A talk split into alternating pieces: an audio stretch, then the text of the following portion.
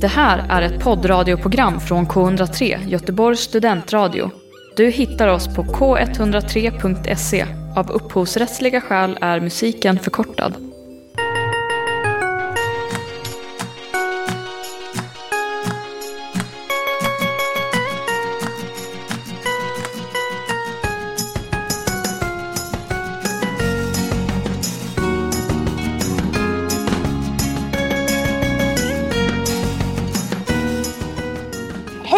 Och välkomna till tagning 103. Idag har vi ett fullspäckat program för er där vi ska recensera serien Pokerface och filmerna Stockholm Bloodbath och På Hvitfeldtska bodde vi. Sen så närmar sig ju också julen nu när vi spelar in det här och då så berättar vi om vad vi ska se i mellandagarna. För det tycker vi är den bästa bingeperioden på hela året. Och sen såklart så har vi vårt stående segment vad vi tittat på på senaste tiden. Och vi som sänder är Alice Dryden. Och jag, Eva Gustafsson. Häng med, vi bjuder på ett riktigt härligt program. Nu kör vi!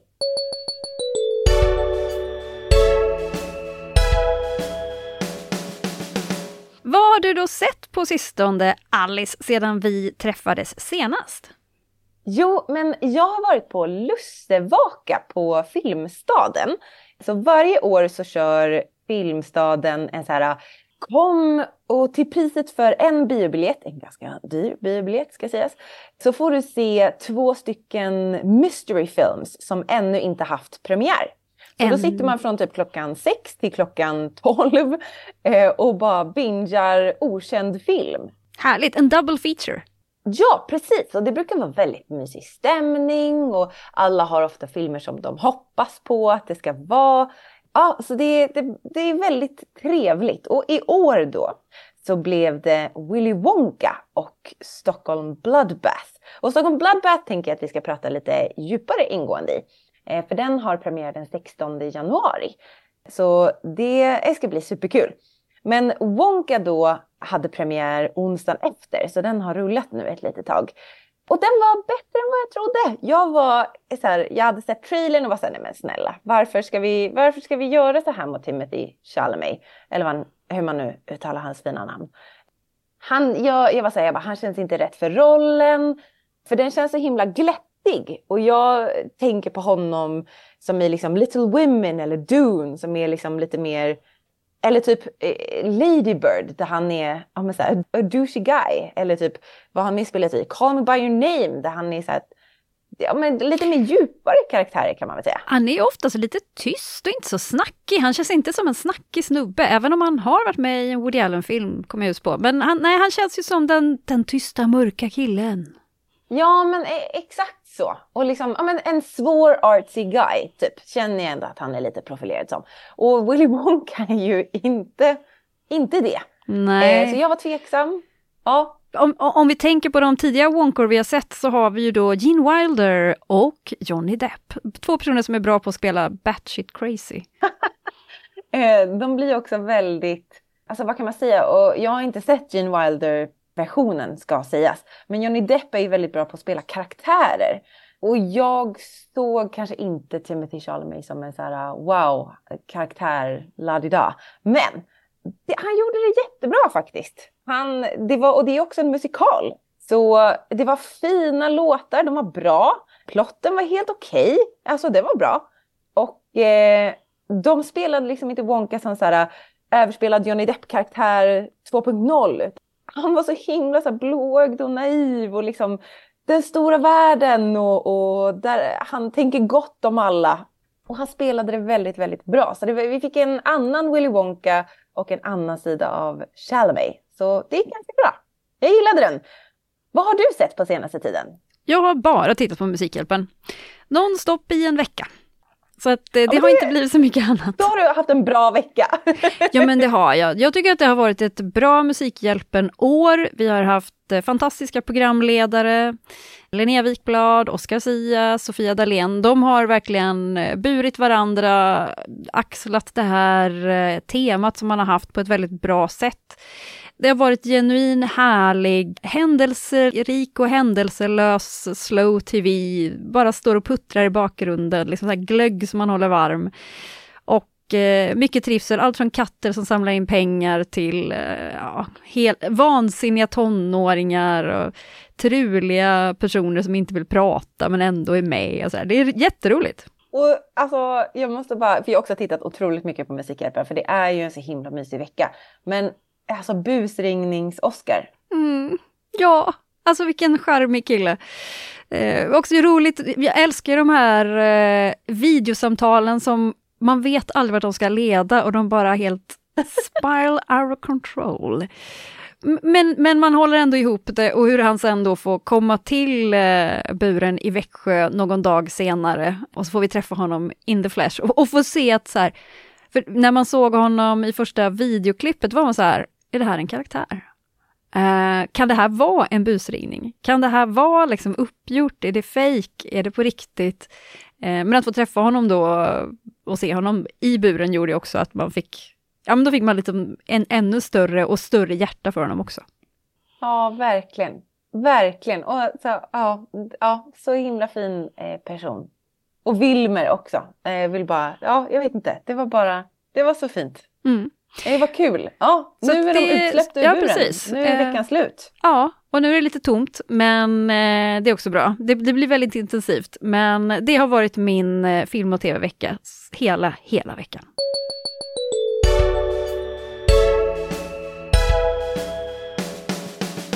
Hörni, jag tänker att vi sätter igång med våra recensioner för dagen och vi inleder starkt med serien Pokerface.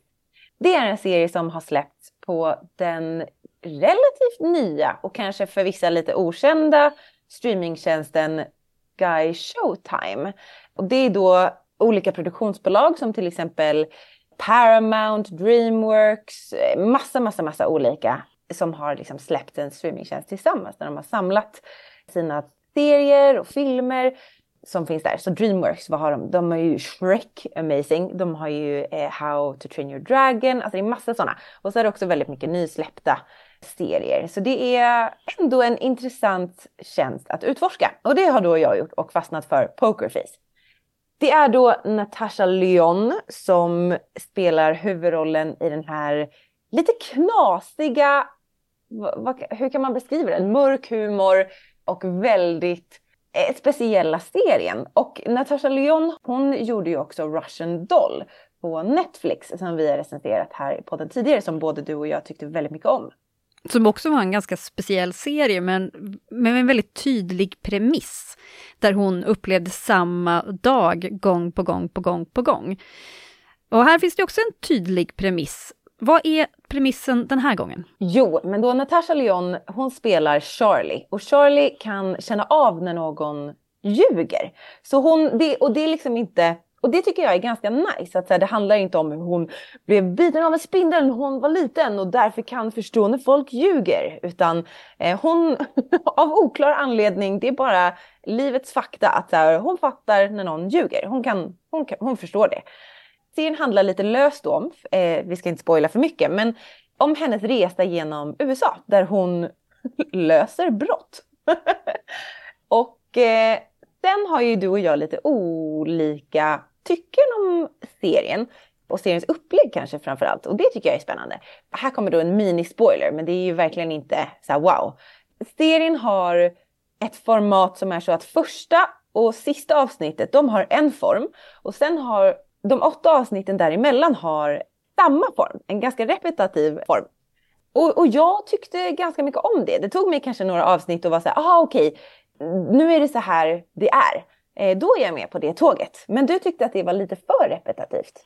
Ja, men det tyckte jag, för det var lite för mappat på något sätt. Att man visste exakt när de skulle bryta, man visste exakt när man skulle liksom få se nästa del. Och just eftersom det, det, är lite enkelt kan man säga att man får se ett brott ske och sen så får man, så att man vet liksom lite vad är premissen för det här avsnittet och sen får man se samma sak igen där man inser Jaha, men Charlie är också här i krokarna och eh, har eh, liksom kommit till den här nya platsen och eh, då får vi, det är lite som att man vinklar kameran bara lite grann och ser man att ja men Charlie är i krokarna och kommer nog komma de här personerna på spåret. Och eh, det blir liksom som att man ser samma sak två gånger. När man hela tiden, alltså, för det är också ganska mycket samma premiss i de flesta avsnitt, då tycker jag att det blir lite repetitivt. Att man blir så här, då ska vi se det här igen. På något sätt. För, för de här introna är också ganska långa. Eh, det är inte som att det är bara så här en minut, utan de är ganska långa och sen får man se liksom samma sak igen. Och det gör kanske att avsnitten också blir lite längre. Men, men jag gillar fortfarande serien väldigt mycket. Jag gillar upplägget med att man i varje avsnitt har en, lite av en gästkändis, en skådis som kommer in och bara är med i det avsnittet. Ganska roliga sådana som dyker upp också, som så här, Adrian Brody är ju med i det första. Eh, och eh, Simon Hellberg från... Eh, Big Bang Theory. Precis. Uh, Joseph Gordon-Lewitt och många roliga som, eh, som är med. Och Chloe Sevigny eh, är med som eh, avdankad rockstjärna till exempel. Superbra! Ja, det var ett grymt avsnitt. Hon spelade ju också Natasha Lyons mamma i eh, säsong två på Russian Doll. Så det var kul att se, att se den duon ihop igen. Ja, jag gillade att, för, för, när de hade samma form så tycker jag att det var som att så här, först fick historien själv ta plats och sen så upplevde vi det från eh, Charlies perspektiv. Så jag vet inte, vi, eh, och, och, jag tyckte också typ att det var lite skönt att veta att så här, okay, men det kommer rulla på på det här sättet vilket också gjorde det enklare att inte Eh, jag kan ofta känna typ en stress att binga för att jag blir så himla inne i storyn. Eh, men det gjorde det lite enklare att ta paus när det ändå kändes som det var lite mer så självstående eh, avsnitt. Jag ska också lägga till, vilket jag gillar, att det är Ryan Johnson som är liksom creator för serien och han är ju den som har gjort bland annat Knives Out och Glass Onion. Två filmer som jag gillar väldigt mycket som är lite mer såhär whodunit vilket det här ändå också känns lite som att det är som en såhär whodunit fast lite mer twisted och lite mörkare än det här, så här vanliga mysmysteriet. Även om det också är lite mysmysterium över det här. Jag skrattade så högt för avsnittet om de två skådespelarna. Det handlar om två stycken skådespelare som ska inta typ en så här community theater eh, för en kväll och det var så, alltså det var, det var så kul. Det var, och det var så många så här hidden skådespelarskämt i så här, det här är alla fördomar man har om skådespelare. Och så var det som att de checkade av alla. Det var grymt kul. Jag tycker också att humorn är underbar. Eh, och Eh, Charlie är ju en väldigt humoristisk karaktär. Och lite av the straight guy i hela serien också. Att det är ju den eh, personen som oftast kommer in med lite neutrala ögon och tycker så här, äh, ni är ju helt galna här, vad håller ni på med? Och har inga problem med att säga det liksom, direkt till folk. Uh, you're crazy! Liksom. Uh, och, då, och, då, blir det också ganska roligt, för det blir absurt i sin... Men samtidigt så har ju Charlie väldigt rätt i mycket. Då. Så uh, ja, jag gillar det, den biten gillar jag absolut och hon är ju fantastisk. Ja, hon är, alltså Natasha Lyon är, uh, just give her all the awards, all the awards. Och med det sagt så jag ger faktiskt Pokerface fyra klappor. Jag tycker att den var riktigt härlig och bra. En perfekt julserie också.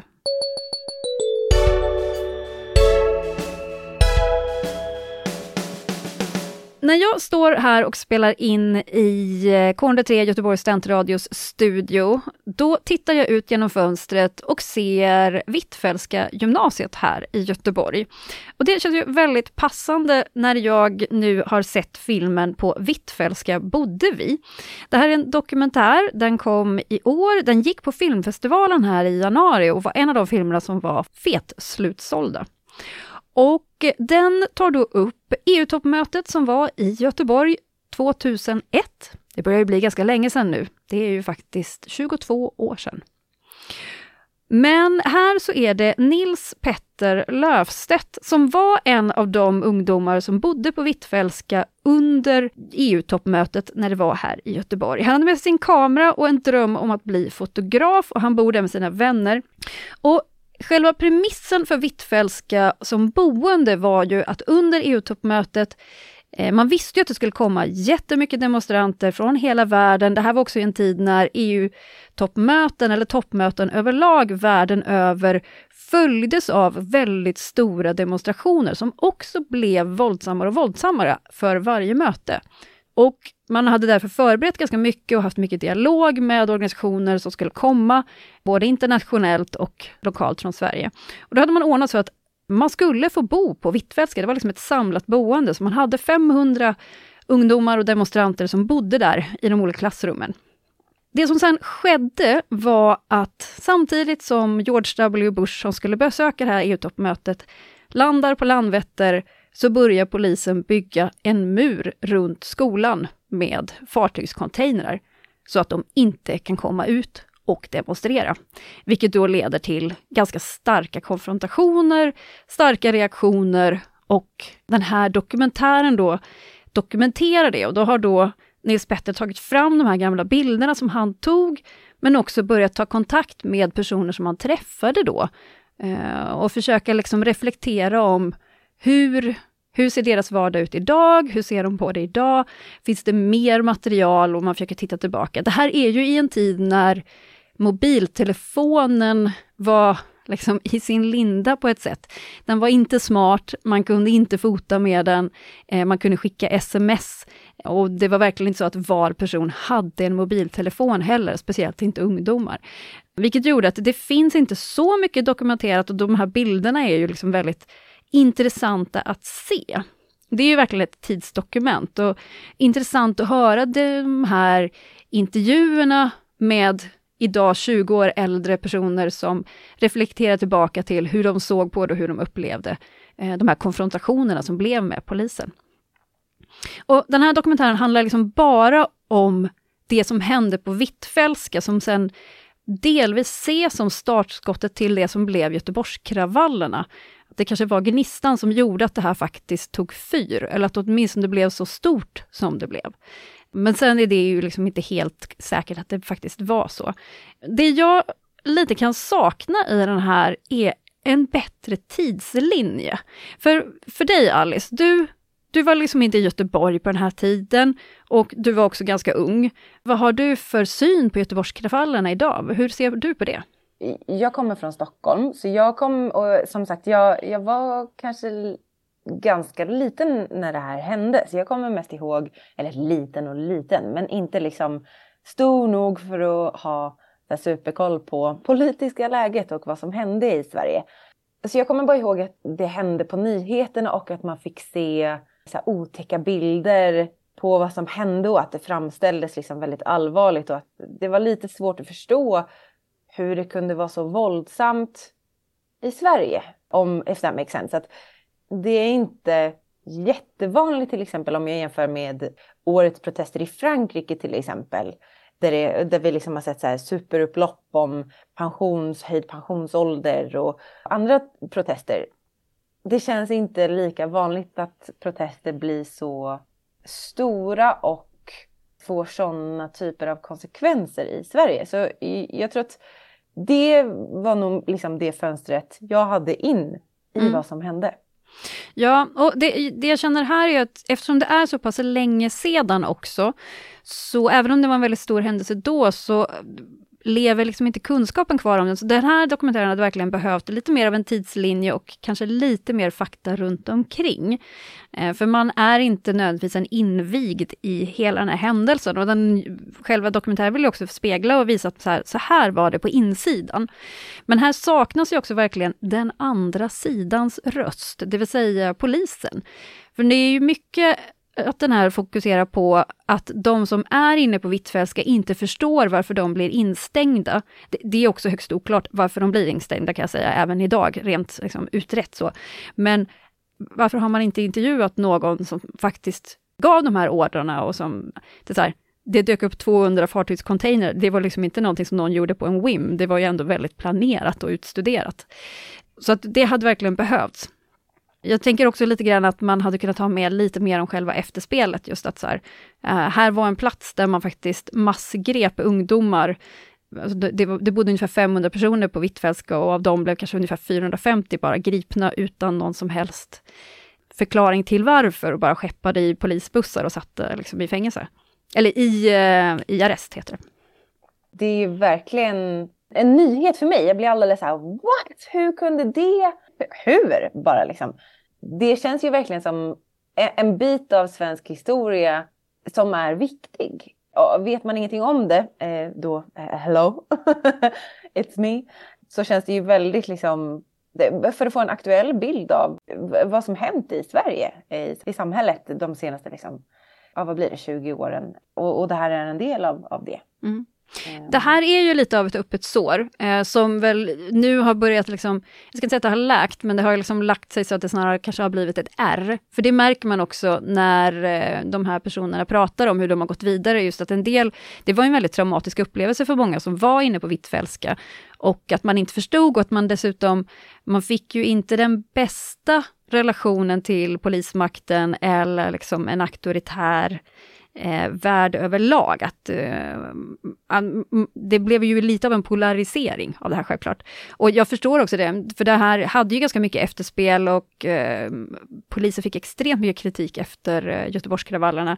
Eh, men det var ju faktiskt inte en enda polis som blev dömd.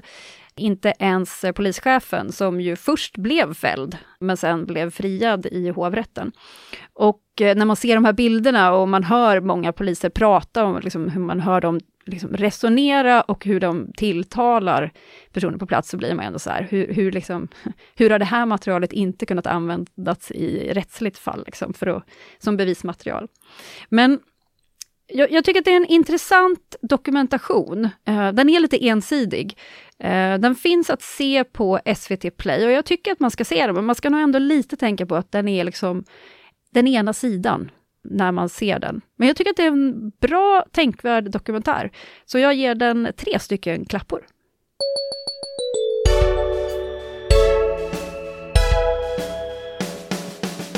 Då går vi vidare till dagens tredje recension. Nu ska vi gå tillbaka till medeltiden. Vi pratade svensk historia nyss och nu ska vi ännu längre tillbaks i svensk historia. Vi beger oss tillbaks till medeltiden och 1500-talet. Den 16 januari 2024 så har den nya svenska storsatsningen Stockholm Bloodbath premiär. Och eh, jag fick ju då se en liten förhandstitt av filmen på Lussevaken och det var så himla himla kul. Så jag tänker att ni ska också få en liten inblick i eh, vad jag tyckte och, och hur filmen är. Det kommer inte vara några spoilers. Eh, dock så är det ju ett historiskt verk. Så jag tänker om man, om man kan Stockholms kan blodbad man... har ju de flesta fått höra om i skolan, så jag tänker att eh, det, man borde ha lite koll. Ja, så, så det, det ligger ju naturliga spoilers i titel och verk redan. Men, eh, men det kommer inte bli några liksom, stora spoilers för eh, för filmen. Så den kommer vara spoiler safe att lyssna på även om du är jättetaggad på att gå in med noll kunskap den 16. I den här filmen så får vi följa hjältinnorna Anne och Freja som får sin familj mördad av danskarna. Och danskarna är på väg upp för att invadera Stockholm och leds av Christian Tyrann som då, eller jag tänker så här, kung Kristian av Danmark. Men eh, PGA händelser som vi kan läsa om i historieböcker och se i filmen så kallas han eh, i folkmun för Kristian Tyrann i Sverige. Filmen tycker jag är spännande för den blandar då historiska karaktärer som till exempel Sten Sture och Kristina Gyllenstierna med också liksom till mig känt fiktiva karaktärer som kanske är baserade på personporträtt på den tiden, men ingen som är så här ah, wow, den här personen känner jag absolut till. Så det tycker jag är ganska fint. Det är ett, eh, så här, vad kan man säga, ganska vanligt knep för att, att berätta historiska händelser. Att man gör det genom ögonen på, på någon som inte är känd för historien och så får man se alla de här storspelarna play out, men kanske så har man också en side plot. För att då Anne och Freja vill ju hämnas sin familj som de har fått mördad. Och det här, det är liksom, det, det är inte en spoiler, det händer snabbt och det är liksom hela premissen för filmen. okej lite spoiler kanske. Jag sa jag bara, ni kommer, noll spoilers, en hel familj kommer dö. Men okej, okay, så jag hoppas ni förlåter mig för den. Men, men det händer verkligen. Det är som att säga så här, Harry Potter is an orphan. Typ så. Det händer tidigt. Så vi, vi får då följa Anne och Freja på deras liksom, nu ska vi hämnas vår familj och hur ska det gå till? Och de har också, de är del av en högt uppsatt släkt. Eh, Johan Natt och Dag till exempel är ju en historisk figur. Han är då gift med Ann. Och genom då den här familjen som då är politiskt högst uppsatt i Sverige under den här tiden. Vi kommer in i de här politiska intrigerna bakom med Sten Sture och Kristina Gyllenstierna som var gift med Sten Sture för den som inte vet. Och hur såg det ut bakom kulisserna när det här förhandlades fram? Där är jag då lite så här, jag tror inte att det är så här exakt så här gick det till, utan de har ju tagit sig absolut kreativ frihet för att liksom embellish och modernisera och tagit in liksom lite moderna teman. Det finns en danssekvens som är högst tveksam. Är den TikTok-influerad? ja, jag... Eh, jag ska inte spoila vilken typ av dans, men jag tänker mer att man är så här, ja, det undrar om de gjorde så eh, på den tiden. Eh, alltså, Eh, det är inte TikTok eh, såhär, och helt plötsligt ställer sig och dansar Macarena. Liksom. Det är inget sånt. Men, men också att jag var så här, okej, okay, men det här, det här är nog eh, del i facket eh, kreativ frihet. och försöka ta historien om Stockholms blodbad till en modern audience. Så ja, eh, så det är lite bakgrunden. Och det som förvånade mig mest, för jag gick in med ingen kunskap om vad den här filmen handlade om mer än att Alba August var med. För hon spelar då Freja. Och sen har vi Sophie Kuxen som spelar Ann. Jag trodde att det här var liksom en film, en svensk film som var på svenska. Men den är på engelska. Så manuset, alla pratar engelska. Det är, jag tror att det är någon så här peasant som är full och vandrar runt i Stockholm och säger hej. Men det är, det är det vi får höra på svenska. Varför är det så? Är det en svensk film? Är det en svensk regissör? What?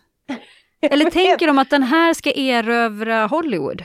Jag tror att det är så. Att det är, det är Mikael Hofström som har regisserat. Så han har ju tidigare bland annat gjort Ondskan. Så jag tänker ändå att så här, det är ju en svensk produktion med mycket inspel från liksom England och Danmark. För de flesta skådisarna kommer då från Sverige, Danmark och England. Så jag tror att det är liksom ett samarbete. Vilket då tror jag är dels varför de pratar engelska, men jag tror också att syftet med att de pratar engelska, och nu gissar jag ju lite här, eh, förstår ni, så lägger in en brasklapp. Det känns som att den här filmen är liksom, missförstå mig rätt när jag säger nya Arn. Att jag tänker att så här, det här är en, en stor satsning som Sverige vill ska nå långt. Bred publik, stor publik, eh, fungera utanför Skandinavien. Det där är också ett eh, bra sätt att få in eh, finansiering, att göra cross country eh, samarbeten. Då, då, kan man få in EU-pengar och så. Liksom. Exakt. Så jag tänker att de, de har nog tänkt smart och de har tänkt stort, tror jag. Vilket jag verkligen uppskattar. I like indie films as much as the next person, men det är också så himla uppfriskande tycker jag när man verkligen ser så här, här är en svensk film, de har satsat som fan. Och jag gillar det. Det, det känns det känns bra. Jag tycker att de ror hem det väl. Två saker då som jag tycker är lite så här, hmm, är, och det här kanske blir minispoilers, eh, så hoppa fram någon minut om du verkligen inte vill höra. Men jag tycker att de använder Alba August lite för lite. För hon har, eh, hennes roll är stum. Så hon pratar inte. Eh, och de har något liksom, alltså vad jag gissar i alla fall, till mig okänt teckenspråk som bara känns så här, okej. Okay. Så hon är någon form av actionhjältinna som är stum, men väldigt sympatisk. Och, och hennes liksom backstory eh, unravels under filmens gång lite grann. Men jag tycker att de underused her ändå. Jag hade önskat mer Alba August för hon är grym tycker jag. Och sen så var den lite lång alltså. Den var två och en halv timme och den hade gott kunnat liksom... Den tredje akten var lång. Det hade verkligen räckt gott och väl att den var två timmar. Det ser jag väl som en svaghet. Att här, jag tror att hade de klippt den en halvtimme så hade de kunnat få ännu fler personer att gå och se den och det hade blivit en tajtare story. Och jag, bara för att eh, bryta lite, men så här, det känns som att har den blivit tagen som en seriös film så behöver det vara liksom en film över två timmar lång. Och jag håller inte alls med om den här bedömningen. Vad tycker du? Jag håller med. Eh, det är inte alltid mängd som är bra, utan ja, en film som Stockholms blodbad kanske borde helt enkelt ha killed his darlings. On point. Ja, så det är väl mina två, hmm, det hade de kunnat jobba lite på kanske. Men annars riktigt kul. Också kul att så här, svensk historia verkar trenda. Vi har dokumentärserien Historia om Sverige som vi pratade lite om i förra avsnittet som finns på SVT Play. Mer av liksom så här dokumentärt berättande, återberättande om vad som hänt. Vi har en serie om drottning Margareta som också har liksom gått här på streamingtjänster. Så kul! Kul grej att vi blickar lite tillbaks i vår egen historia. Stockholm blodbad får, ja det här är svårt, tre klappor. Eh, och jag tycker att det är värt att nämna att mycket av de tre klapporna beror på Claes Bang som spelar Christian Tyrann. Han är en riktigt bra bad guy och spelar också bad guy i en av mina favoritserier för året, Bad Sisters på Apple TV+. Jag har aldrig hatat någon så mycket som karaktären han spelar i den serien och typ så här Joffrey eller Ramsey i Game of Thrones. Han är liksom på den nivån. Ja, och sen också Emily Beecham som spelar Kristina Gyllenstierna. Toppen! De gav en tyngd till filmen som jag verkligen gillade och uppskattade. Så tre klappor.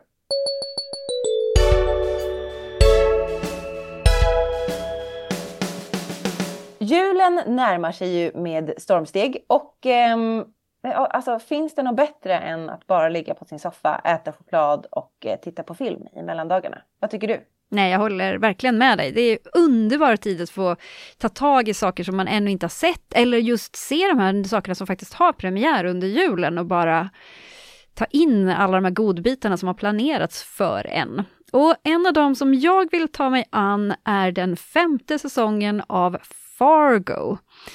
Den eh, tv-serien som bygger på Coen-brödernas film med samma namn har ju levererat rejält i de fyra första säsongerna.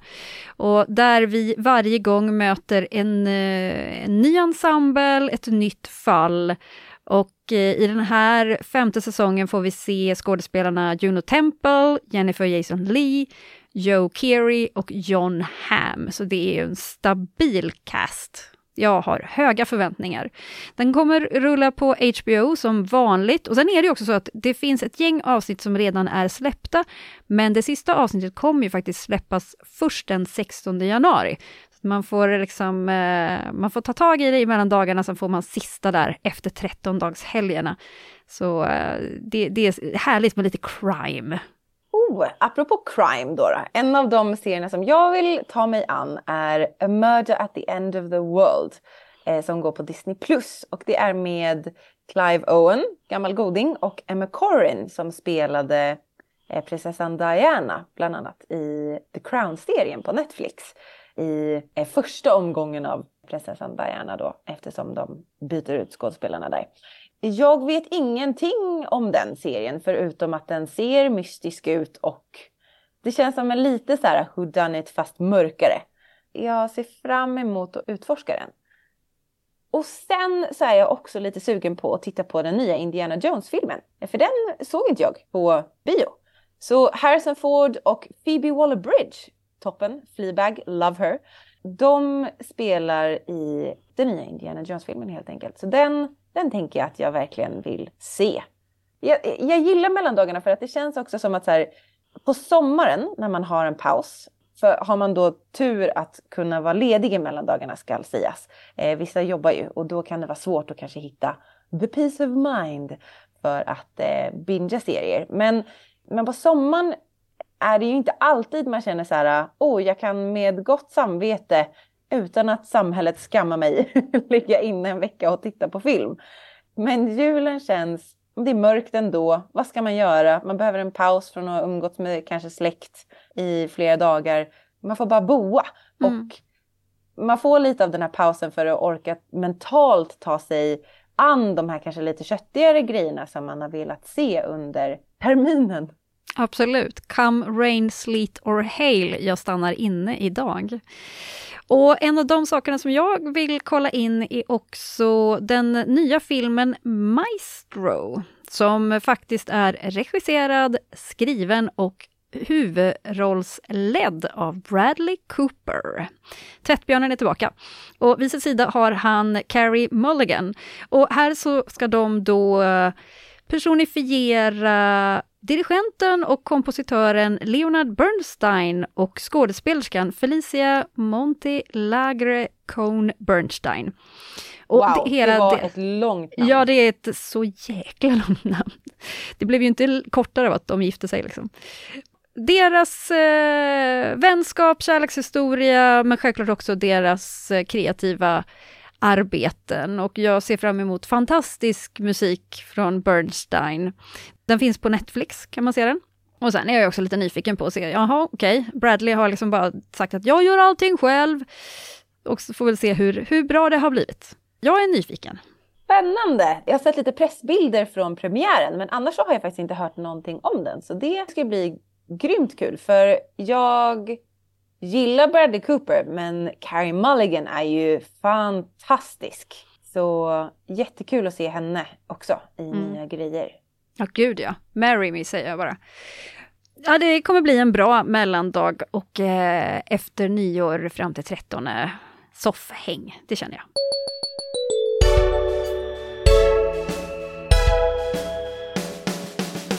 Tagning 103 har idag gett dig tre stycken recensioner. Vi har pratat om Pokerface, tv-serien som får fyra stycken klappor av Alice. Vi såg dokumentären På Hvitfeldtska bodde vi, den fick tre stycken klappor av mig. Och sedan så har vi fiktionen Based on a true story, Stockholm blodbad eller Stockholm bloodbath. För den är ju på engelska, den fick tre stycken klappor. Vi har också pratat lite om vad vi har sett sen sist och vad vi tänker se i jul och nyår. Så vi hoppas att ni har fått lite tips om vad ni kan göra och eh, se tills vi hörs igen. Vi som har gjort det här avsnittet heter Eva Gustavsson och Alice Dryden. Du hittar oss som vanligt på Spotify där du kan höra podden. Du kan lyssna på radioprogrammet på K103 Göteborgs studentradio klockan 13 på fredagar och söndagar på 103,1 MHz. Och sen så finns vi självklart också på Instagram. Där heter vi tagning 103. Vår fantastiska musik är gjord av Noah Gren och du kommer kunna höra från oss igen nästa år.